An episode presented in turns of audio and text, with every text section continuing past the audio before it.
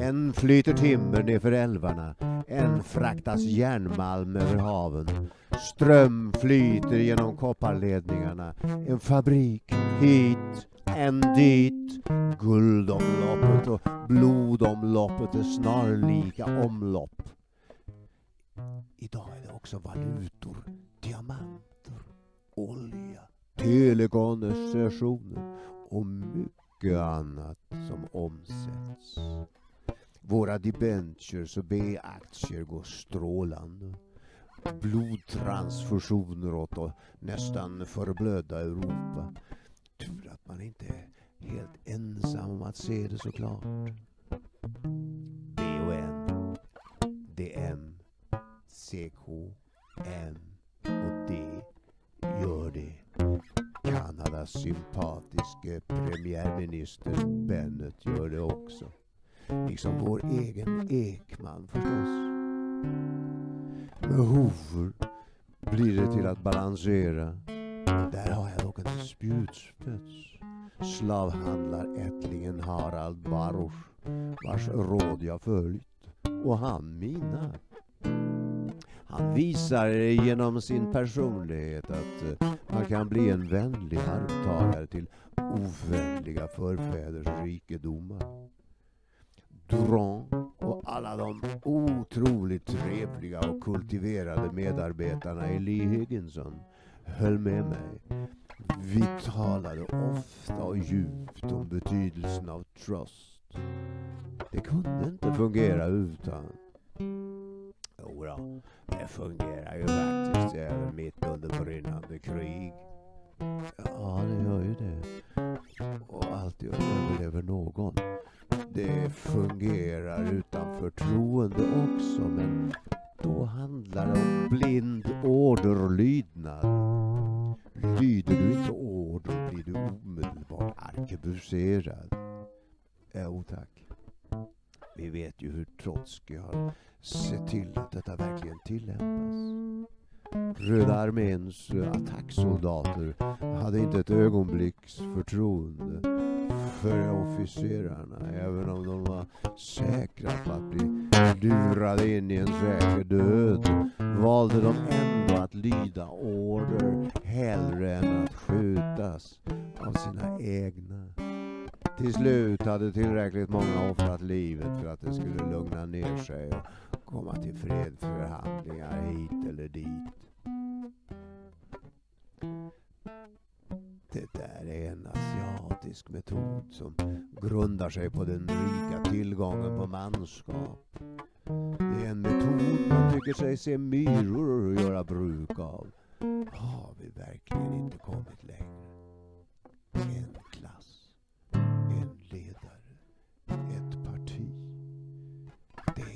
Exakt samma på bägge sidorna nu. Undrar hur det ska sluta. Jag tror vi kan buffra bolsjevikerna med Östeuropa. Det har ju fungerat i tusen år. Det går att gjuta olja på vågorna.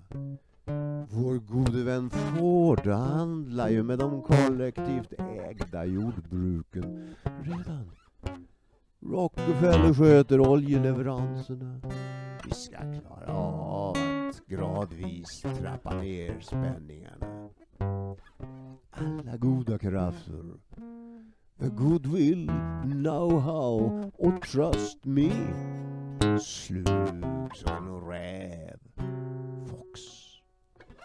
Jag hade fått veta vad Hoover ville höra. Gamle Sverigeambassadören Leland Harrison.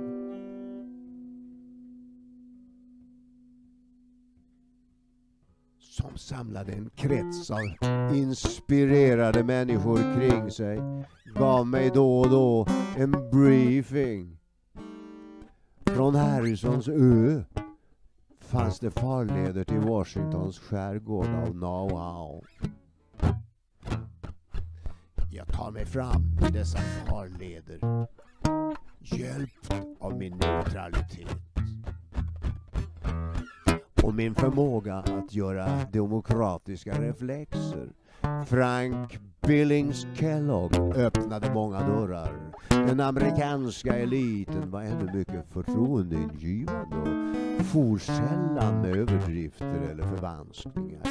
Vi hade hastiga, muntra möten och vi frekventerade de informella mötesplatserna där gommen kittlades och vinet fick surrande tankegångar att eh, spinna sig ut och vi telegraferade och ringde.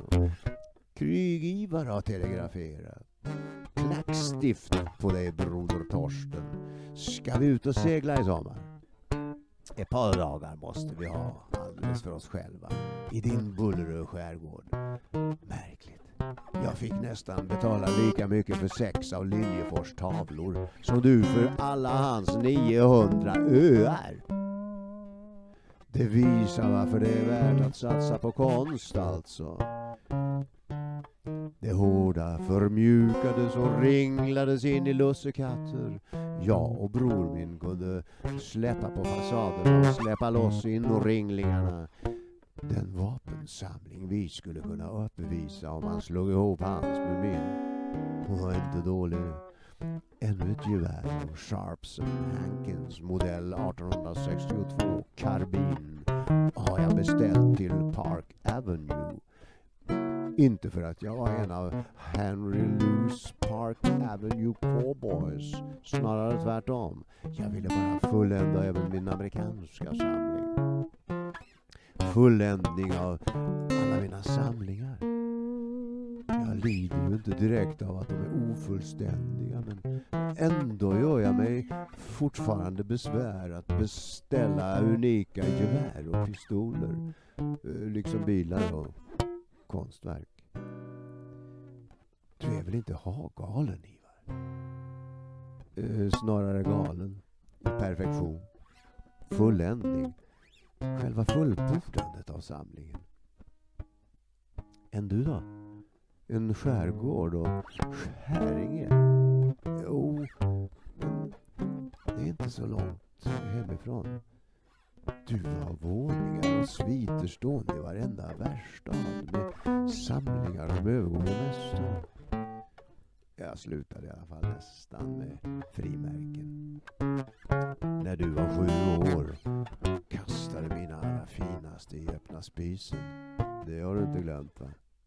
Åh, oh, vilken skam. Jag trodde paketet var tomt. Jag trodde verkligen att du skulle bli förbannad den gången. Hur kunde du hålla masken så? Ja, det undrar jag också. Men vet du, med åren tyckte jag nästan att det hade varit bättre om du hade farit ut och gett mig en läxa. Det var ju ett feltryck från Nya Guinea där och några isländska notabiliteter. Jag har fortfarande dåligt samvete. Hur skulle du ha kunnat märka att det låg några märken, några få gram och några kubikcentimeter slarvigt nedstoppad i ett gammalt julklappspaket? Jag fick skylla mig själv. Jo, men du hade ju kunnat byta till dig en handelsskuta med dem. Och för att vara en skolpojkes hobby var det ju rätt mycket som gick förlorat. Ivar, du var en otrolig samlare. Redan då. Jag undrar var det kan sitta någonstans. Har vi samlare i släkten? Inte vad jag vet. Farfar samlade ju ihop en hel del rikedomar och eh, de var av spridda kategorier. Inga mer homogena samlingar vad jag har hört. Morfar samlade också ihop en hel del både odalmän och deras drängar och pigor när han eh, emigrerade till Sydafrika. Usch, ja det är ju som tur är en helt annan sak. Ja, men din samling av smycken och kråsnålar är ju också närmast sagolik. Den är nog endast för att du har gett bort det mesta som det blir outhärdligt. Inte ha galen alltså. Eh, tycker du jag ger bort för mycket? Det Begripliga är att det verkar som om du får ännu mer igen. Ja, det verkar så. Hur är det möjligt. Kanske är det här man kommer till den delikata skillnaden mellan muta och gåva. Ja, kanske det. Eftersom du frikostigt delar med dig till alla i din omgivning är det få som kan eller vill anklaga dig för att ge mutor. Ja, några gör det, men kanske för att de är rädda för själva metoden. Varpå de samlar sig i snåla gardet och lägger upp sina planer. SG. Snåla gardet. Ja, det kan vara så. Jag har hört varningar från Ahlström, Grönberg och Hallin. Högsta alert. Ja, ja, kapten. Gira babord. Kasta drag. Du och AGH för den delen har länge propagerat för giftermål. Jag ska be att få glädja dig med beskedet att jag ska gifta mig och trappa ner på aktiviteterna. Oh, gratulerar! Låt mig få gissa att den lyckliga är en skönhet som är sprungen ur Somis karga jord. Jaha, du är som vanligt välinformerad. Var ska ni bo? På Place Vendôme ovanpå Banque du Suède de Paris och sommartid i våra respektive skärgårdar. Våra familjer blir fortsatt sommargrannar, trevligt. Men akta dig för den finska skärgården. Bygger du där får du göra det diskret. Ja, inbördeskriget är sedan länge över. Nu är det enighet om att fienden bor i öster. Man vill igen ha in folk från väster som ser ut att vilja bidra med lite skatt. Jag tror att vi kan få några säkra veckor där varje sommar. Inte lika säkra som i vår övärld. Du har gett bort en del öar också, Ivar. Är inte det lite väl generöst? Kanske ger jag bort de flesta av mina våningar också. Det borde bli ännu bättre effekt av mina gåvor om jag går från cigarettetuier oh, med rubiner och safirer. Du är makalös. Jag har hört om flickor som hållit på att storkna när de fått reda på vad de var värda. Till centralt belägna våningar. Kanske kommer jag att kunna lösa frågan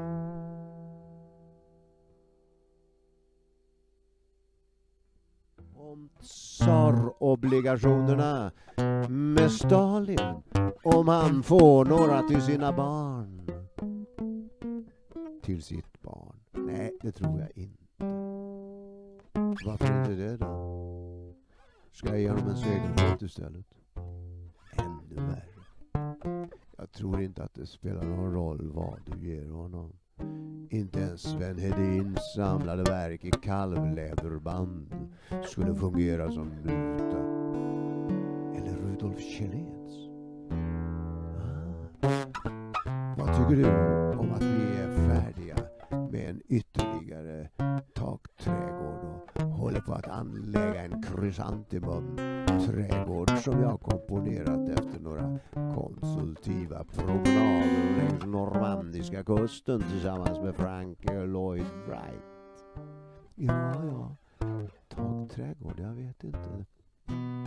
Jag är ju mer för eh, fria vidder längs mina skär och holmar i yttersta havsbandet. Hans nåd Hirohito kommer säkert att uppskatta det. Det tror jag också. Havsbandet är underbart. Jag kapsejs, kapseglade med mate där ute en gång. Med gamle Zorn. Medan han fortfarande var i hög form. Som skeppare. Med tiden, käre bror, tiden räcker inte till för seglatser längre. Jag måste hålla mig vid mina telefoner. Men i sen ska jag ha Svalan 2 liggande och Laurell redo för att snabbt kunna ta mig till havs. Under låga broar. Jag har beställt bonsai-träd från Kyoto för att trivas med innersittarlivet. Och det ska bli mitt ålderdomshems trädgård. Vad ska du göra med böckerna i Berlin plats i ett julklappspaket, det är säkert. Men de kanske brinner upp i alla fall. Hoppas vi gud att Gretchen hinner ut dessförinnan. Vad som helst kan egentligen inträffa i Berlin. Det är ingen gräns för osäkerheten, även om vi har gjort allt centralt där för att stabilisera och balansera mellan nationalister och demokrater. Just nu är Storrysk stor risk för. Men min tro är den att Wilhelm Lautenbach och Vladimir S. Wojtinski kommer att lösa bankkrisen med sin idé om en statlig kreditstimulans.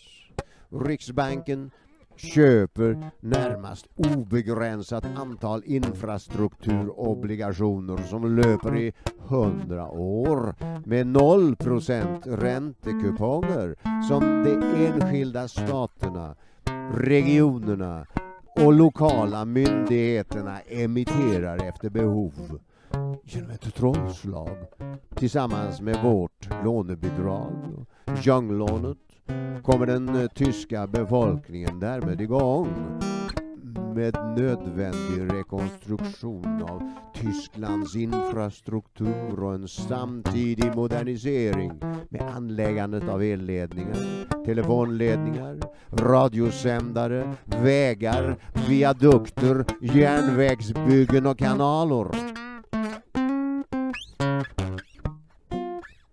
Arbetslösheten elimineras i ett enda slag. Det kommer inte att behöva tändas några revolutionseldar för att se att detta är bättre än att svälta ihjäl i overksamhet och letargi eller gå i strupen på judar och handelsmän för att de har arbete och förtjänar pengar. Vi bidrar till en grundläggande rekonstruktion av hela det industriella fundamentet i Tyskland utan tvång och våld. Dekonstruktörerna, som alltid ser rött av vrede, vare sig de ser uppgående solen i sin flagga eller hackkorset, vill bränna resten av borgerlighetens och överhetens bombasmer. Så dem måste vi hålla kallt, hälla kallt vatten på och kyla av och i övrigt behandla varsamt och inte provocera i onödan. Du hörde väl vad premiärminister Inokai berättade?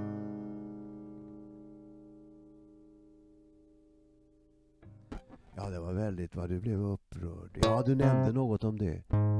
Vad var det han sa?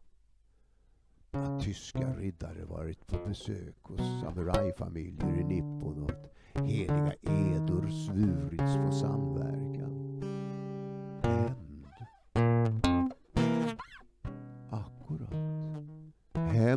För de stupade samurajer på väg mot Meiji-restaureringen och utförsäljningen av nationalklenoder till utländska intressen. Men eld i Berlin? Versaillesfreden uppfattas av Berlins hårdingar värre än fördraget efter slaget vid Austerlitz 1805 uppfattades av de federerade. Men den som i vår tid anfaller Paris kommer att brinna själv. Det har Frihetsgudinnan sagt mig. Oj då. Är det inte bäst att du lämnar Berlin för gott? För gott? Samurajer från Nippon och nationalsocialister från Teutonien å ena sidan och finansbyråkrater från de tyska handelskamrarna och internationella bankirsyndikat och den andra. Det är en liten oväntad koppling. Romarna kommer väl att vilja vara med på det. Säkert. Morgan står redan för deras plåt. Messerschmitt för stridsflygplan Frågan är om inte nybildade The Bank of International Settlements kommer att stå för investeringarna. Hur ska katastrofen kunna undgås? Vi får stötta den förtalade Weimarrepubliken in i det sista och ha tro på Lautenbach och Wojtinskis geniala infrastrukturplan. Törs vi det? Jag menar, riskerna blir rätt stora. Hur vidlyftiga gåvor du än spritt omkring dig. Men visst törs du? Jag är inte rädd. Jag är realist. Ja, men då är vi ju lika. Men jag är samtidigt mer idealistisk än du. Jag gillar liljekonvaljer mer än du. Jag känner Palladio, Sir Thomas, bättre än du. Jag har i detalj satt mig in i John Laws system och kan jämföra det med Atticus. Oj, oj, oj. Du brukar ju sällan skryta, Ivar. Jag tror dig. Och du får gärna umgås med själva Hermes om du vill. Själv föredrar jag umgänge med gudingarna i vår skärgårdsvik. För dig nämns jag skryta lite. Men jag ska ta mig tid till skärgårdsvikarna jag också. Jag ska bara fullända några samlingar först. Monopol, mynt, klockor, kraschaner. Ehm, jag samlar mest på sågverk och gruvor just nu. Men det var inte länge sedan jag fann en ungersk gyllen från 1568 och därmed har hela serien till 73. Jag har just lagt in ett bud på Krösus guldstat. Den med lejonet och tjuren. Vad är det där för dosa? Eh, den hade von Fersen i fickan när han mördades. Det var nära att den krossades av Tandenfeldts klackar. Oh, Tandenfeldts klackar. Klackstiften på dem du. Ah, är den inte vacker? Marie Antoinettes puderdosa. Så säg. Den rena blåvita emaljen i kontrast mot guldytorna. Och se här. De porträtt satt samman i locket en gång i tiden. Fabian von Fersen skänkte dosan till hovstallmästare Adrian Edengranat som tack för att denne riskerade sitt eget liv och försökte hindra Tandefelts framfart. Det var nära att klackarna träffat den samtidigt som de träffade den gamla regimen genom att krossa den sista gustavianens hjärta. En halv klackbröd vid sidan. Är det inte orättvist? För övrigt, att Axel von Fersen blivit känd för att stödja en förlegad fransk monarki när han istället borde ha blivit känd för att ha kämpat för den amerikanska friheten. Jaha, som den minst sagt finkänslige man han var lämnade han i största hast den trånande Marie Antoinette 1778. Dagen efter att hon i sin sedvanliga soaré skamlöst hade vänt sig till honom med en av sina kärlekssånger havande med sin dauphin. Den adelsmannen insåg vidden av sakens pinsamhet och lämnade samma kväll Paris och seglade till Amerika där han erbjöd sina tjänster som officer istället. Han kämpade sedan på fransmännens och amerikanernas sida och deltog i slaget vid Yorktown där han efter segern av General Cornwallis på grund av sin språkkänsla fick ansvaret att formulera kapitulationsvillkoren. Ja jävlar. Ännu en orättvist bortglömd historisk insats för avhållsamheten.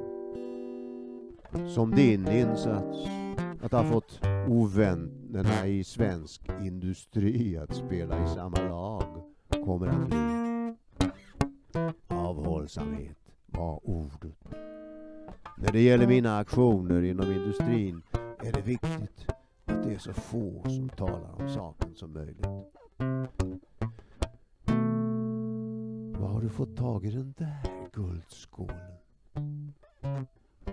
Ateljé Borgila. Napoleons egenhändigt skrivna.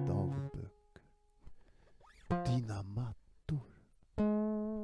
Kirman, tabris, Kesha, Seneb, Bukhara och de flamländska vävnaderna. Den fantastiska samlingen av holländska målarmästare. Man blir ju direkt häpen Ivar. Är du färdig med tändstickorna?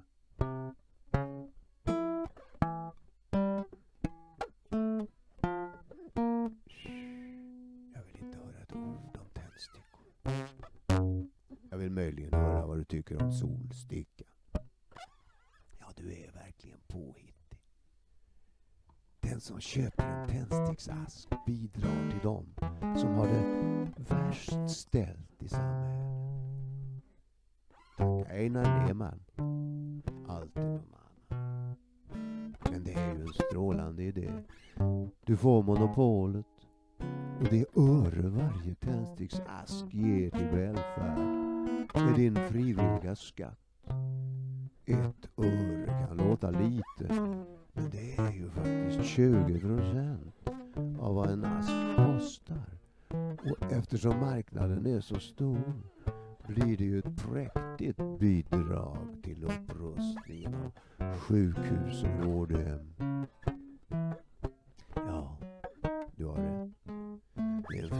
Skatt vi betalar här.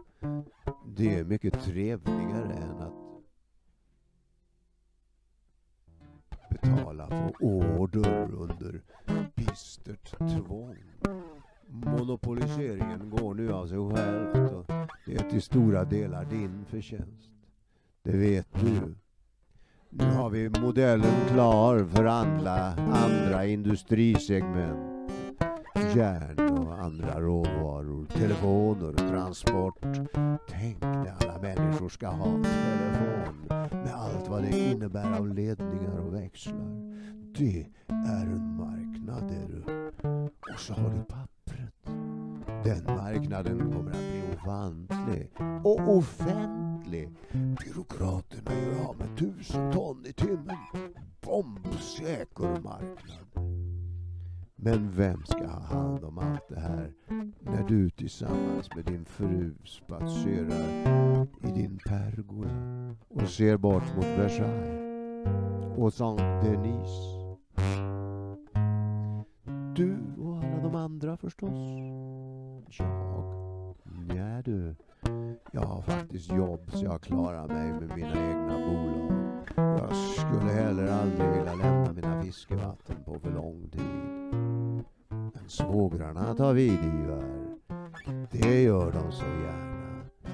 För att inte tala om alla dina unga sekreterare och duktiga receptionister. Ja, det har du nog rätt i. Jag hjälper dem gärna till rätta om de frågar mig om råd. Det är en självklarhet. Mm. Men ledningen får du överlämna till en demokratisk styrelse. Pappa sitter ordförande till dess att en efterträdare utsätts. Det blir inga problem alls. Littorin är ju perfekt. Sjöström kan sitta där. Eller Lybeck. Rydbeck skulle kunna absolut, absolut kunna göra det. Eller Prytz. Hallin. Ahlström. Alla skulle, de skulle klara det. Det skulle kanske till och med den väl luxuöse Jordahl. du har ju massor av lämpliga kandidater att plocka bland. Ines kommer att sända dig rosor. Hon vill faktiskt att vi ska umgås mycket mer än vi för närvarande har möjlighet att göra. Hon och jag alltså. Under långa New York-nätter lärde jag känna Hermes och de övriga gudarna från Olympen. Lika bra som min bror. Jag var väl egentligen lika mycket hellenist som Linnean. Och jag tyckte det verkade klokt att ha tolv gudar. Det verkade ju finnas så mycket att stå ute i världen i. Och en enda gud hinner väl inte med allt. Alldeles ensam. Religionen var därvid lik politiken. Min broder hade rätt. Demokrati var flertalsvälde. Inte monoteism. Gud har inte hunnit med allt. Han borde kanske ha gift sig också. Men då hade han hunnit inte hade gjort som Rothschild. Som gjorde det mycket bättre än Vasa. Härskade med sina söner. Det kanske snarare var bristen på moderlighet som gjorde det. Var befann sig till exempel ende Gud när Smyrna brann 22. När de grekisktalande turkarna drogs över samma kam som alla andra greker och fick orden ut ur Turkiet eller dö.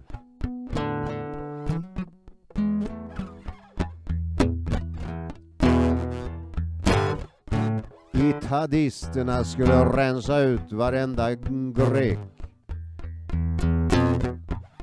Vare sig han var grek eller armenier. Det räckte att han talade grekiska och trodde på den kristne guden. De skulle rensa ut varje armenier vare sig han var rik eller fattig. I hundratusental jagades de genom sin brinnande stad.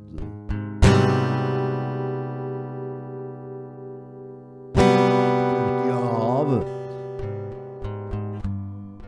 Den engelska flottan som patrullerade regionen hade order att inte ingripa.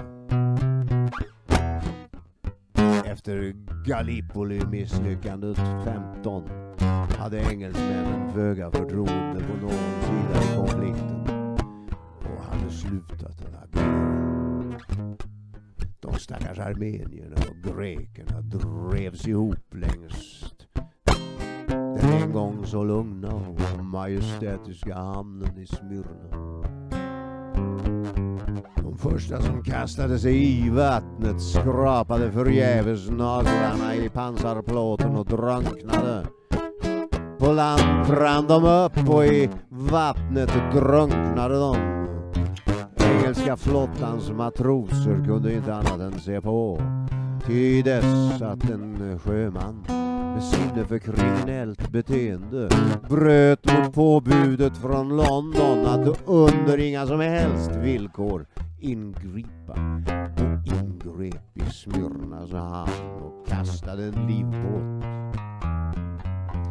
Varvid alla andra besättningsmän började kasta i livbåtarna de också. De hissade så småningom upp hundratusentals dödsdömda flyktingar och transporterade dem till Mytilene och sedan till Pireus och Aten där de skapade en ny oroshärd för de greker som hade tänkt sig en lugn ålderdom vid ett glas och retsina stilla bräkande får. De mycket liberala smyrnioterna som i hundratals år levt i sus och dus i sin vackra stad.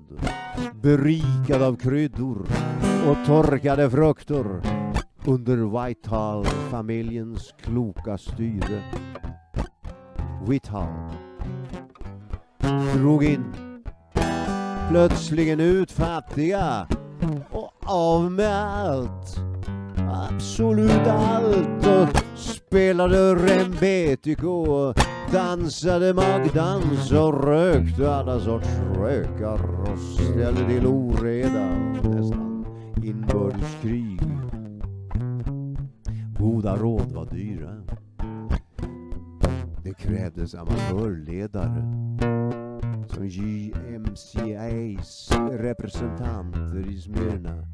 JMCA, Asa Jennings, som ingen trodde om mycket när katastrofen inträffade för att rädda de dödsdömda smyrnioterna och armenierna.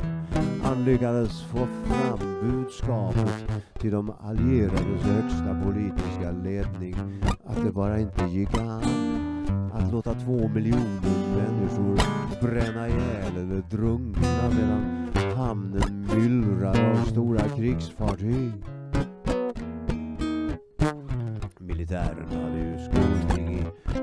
hänsynslöshet och kunde lugnt stå vid relingen och röka en Chesterfield medan kvinnor och barn i förtvivlan skrek och drunknade. De behövde beordras för att bli livräddare. Sådana militanta hårdingar höll på att göra sig omöjliga överallt. Deras Kap Kairo-tank var en förskräckande felsatsning. De kunde inte annat än skapa en grogrund för att fortsätta stridigheter. Storgreken Elfeterius Venizelos och hans Megalimidea var lika storhetsgalen. Kreml var storhetsnationalist han också, Kemal. Militären stödde än den ena än den andra och Churchill hade bråda dagar. Gud själv kanske hade inspirerat matrosen som kastade första livbåten. Det är rent av troligt att han gjorde det. Låter det vara oavgjort vad som är det bästa styresskicket. Det kan ju vara jungfru Maria också. Det var definitivt mot Churchills önskemål i alla fall. Asa Jennings var den grå musen som steg upp som den räddande ängeln och som stod fram med klarsyn och fokuserad frenesi. Hur kunde alla andra civiliserade världen bara acceptera det armeniska folkmordet? Det måste ju göras något. Men de kristna bröderna hann inte fram för att deras militärer var så bedrövligt stora i orken. De klarade inte av jihadisterna och de halkade av Hellesponten. Och medan armenierna drevs ut i öknen dog solen var Churchill i talarstolen och krävde mer och mer finans för sitt fortsatta krigande och kryssade kors och tvärs över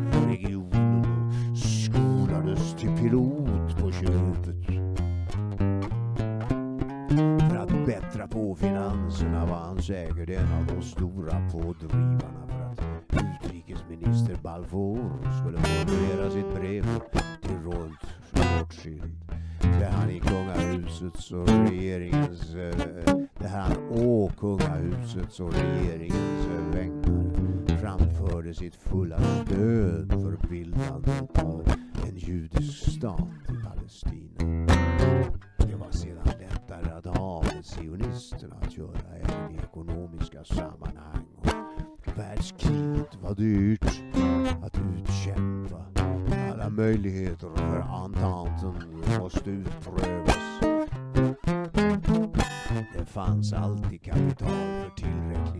tillräckligt djärva.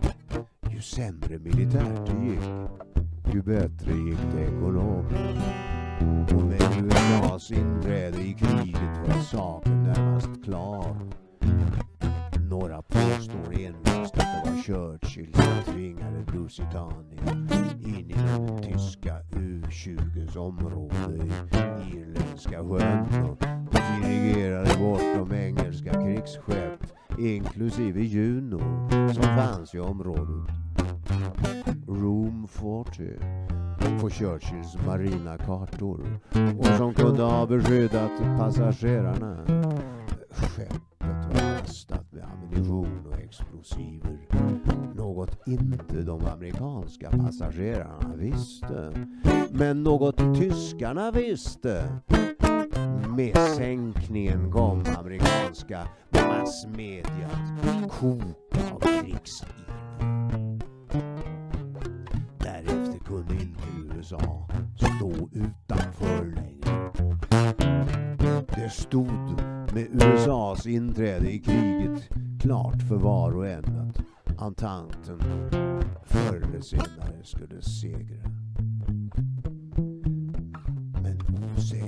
Osäkerhet och förvirring rådde i hela Europa. Det mäktiga Österrike och Ungern var slaget till slant. Slotten och herresäten brända eller förstatligade. Habsburgarnas Wien var totalt förändrat.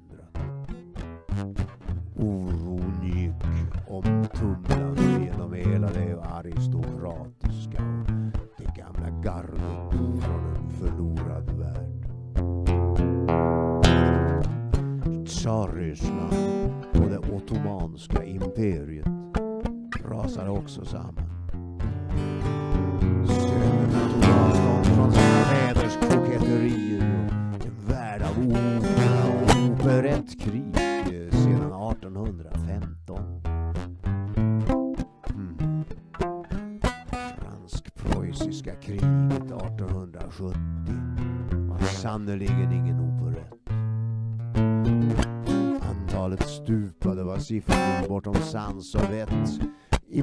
Måste man dock göra operettanalyser.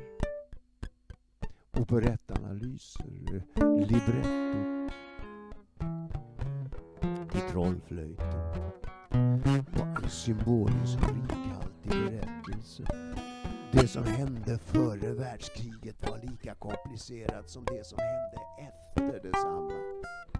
Storhetsvansinniga härskardrömmar klädde sig i perfekt kostymering och Lloyd George, Clemenceau och Wilson ringde Venizelos och manade honom på att kristenheten hade plikten att försvara Smyrna. Men när den ungturkiska brandsanstiftelsen tog sin början var det för sent. Den fredliga, vackra, toleranta och rika staden gick efter flera hundra år av harmonisk tillväxt upp i rök. Levantinernas handelshus, sedan generationer ägda av Whitehalls, Girauds, Pattersons, demolerades. Lika fullständigt som någonsin de kapitalistiska handelshusen i Ryssland. Som blev Sovjetunionen. Det är en sak som är säker.